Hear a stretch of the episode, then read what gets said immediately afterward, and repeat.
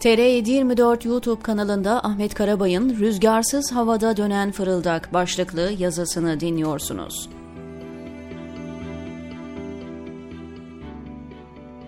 AK Parti'nin düne kadar terörist gözüyle baktığı HDP ile görüşmesi çok ses getirdi. Asıl MHP'nin resmi tepkisinin ne olacağına gözler çevrilmişti ki, oradan da Genel Başkan Devlet Bahçeli'den doğal ve doğrudur cevabı geldi. Şimdi sıra ürkek muhalefette. Türkiye'yi kendi taraftarları dışındakiler için yaşanmaz hale getirme konusunda kararlı olan zihniyet, ülkede yaşayanları istedikleri gibi yaftalama güç ve özgürlüğünü ellerinde tutuyor. Başkalarının hukukuna saldırmayı ilke edinenlere karşılık, özgürlük savunucuları kendi hukukunu korumaktan çekinir davranıyorsa, orada kötülüğün kol gezmesinden daha doğal bir şey yoktur. Bir de saldırganlar iktidar erkeni ellerinde tutuyorlarsa vay o ortamda yaşayanların haline. Türkiye'de son dönemde yaşananların temelinde bu hastalık yatıyor. AK Parti ve MHP'nin başını çektiği Cumhur İttifakı bu ülkedeki her 9 seçmenden birinin oyunu alan HDP'yi sırf siyasi menfaatleriyle uyuşmadığı için ötekileştirdi. Bu da yetmedi, terörist bir yapılanma olarak itham etti. Türkiye'de adı konulmasa bile 10 yıllardan bu yana seçmen oyları 3 sınıfa ayrılmış durumda. AK Parti ve MHP'ye verilen oylar birinci sınıf, muhalefete verilen oylar ikinci sınıf, HDP'ye verilen oylarsa üçüncü sınıf. Birinci sınıf oylar halkın iradesini temsil ediyor ve kutsal bir yapıları var. İkinci sınıf oylar iktidar tarafından belirlenen sınırlar içerisinde kaldıkları sürece meşru kabul edilenler.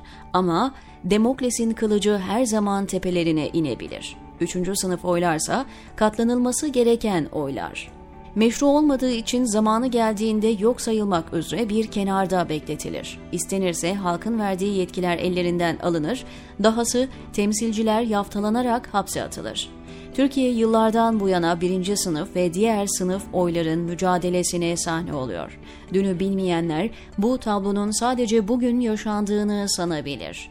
1994 yılında bugünkü HDP'nin ata babası olan Demokrasi Partisi mensubu milletvekilleri içeriden zorla çıkartılarak meclis kapısında gözaltına alınıp tutuklandı. Leyla Zana, Hatip Dicle, Mahmut Alınak, Selim Sadak, Sırrı Sakık, Orhan Doğan, Zübeyir Aydar ve Ahmet Türk. Bugün Devlet Bahçeli'nin HDP'ye yönelik sarf ettiği sözleri abartılı bulanlar, MHP'nin kurucu lideri Alparslan Türkeş'in dün sarf ettiği sözlerine dönüp baksınlar derim. Aşağıda izleyeceğiniz görüntüde tartışan isimler MHP lideri Türkeş ve bir yıl sonra meclis kapısından polis zoruyla elleri kelepçelenip alınacak olan DEP milletvekili Orhan Doğan. 8 Kasım 1993'te yaşanan bu tartışmada Türkeş kan dökmekten söz ediyor ve Orhan Doğan'a meclisi terk edin diyor. Türkeş'in o günkü konuşmasının içeriğini, takındığı üslubunu izlerseniz bugün Devlet Bahçeli'ye kızmazsınız. Bahçeli'nin HDP'lilere karşı tavrının ve söylediklerinin Türkeş'ten farklı olmadığını görürsünüz. Mesleğim gereği pek çok liderle yakın temas içerisinde bulundum. Alparslan Türkeş'le ise bugünkü bazı MHP'li yöneticilerden daha fazla birlikte oldum. Onun dar dairede yaptığı pek çok görüşmeye katıldım. Bahçeli ile Türkeş arasındaki en büyük fark menfaat konusu. Türkeş kendince farklı bir yere koyduğu devleti kutsar ve her şeyi onun etrafında şekillendirirdi. Kişisel hatta çevresindekilerin menfaatlerini iyi okur ama bunun dışarıdan hissedilmesine izin vermezdi. Bahçeli de devleti kutsama konusunda aynı geleneği sürdürüyor. Lakin menfaatleri koruma ve gözetme konusunda hele dışarıya aksettirmeme noktasında kurucu liderden fersah fersah uzakta.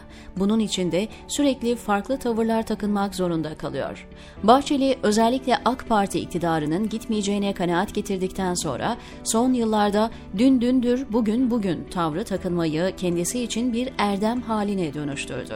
Ne kadar dünkü söylediklerine ters düşen sözler ediyorsa kendini o kadar başarılı sayıyor. AK Parti heyetinin başörtüsü referandumu ile ilgili HDP'yi ziyareti son dönem siyaseti açısından önemli bir kilometre taşı niteliğinde oldu. Adalet Bakanı Bekir Bozdağ başkanlığındaki heyet yapmak istenilen anayasa değişikliğine ilişkin ziyarette HDP'den destek istedi. HDP ziyaretinin iktidarın küçük ortağı tarafından çok sert bir tepkiyle karşılanması bekleniyordu. Çok heyecanlanan bazı yorumcular Bahçeli'nin ortaklığı bozacağını varsayıyorlardı. Ancak MHP lideri Devlet Bahçeli dünkü grup toplantısında bambaşka bir tavır sergiledi.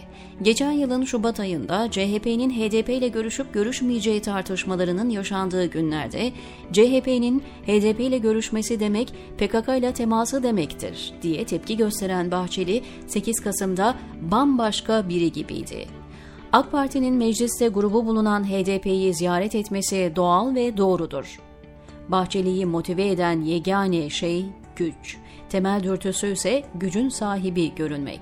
Fırıldak rüzgarsız havada dönüyorsa arkasında bir üfleyeni vardır derler. MHP lideri de sık sık U dönüşleri yapmak zorunda kalıyorsa onu bu tavra sürükleyecek bir rüzgar vardır.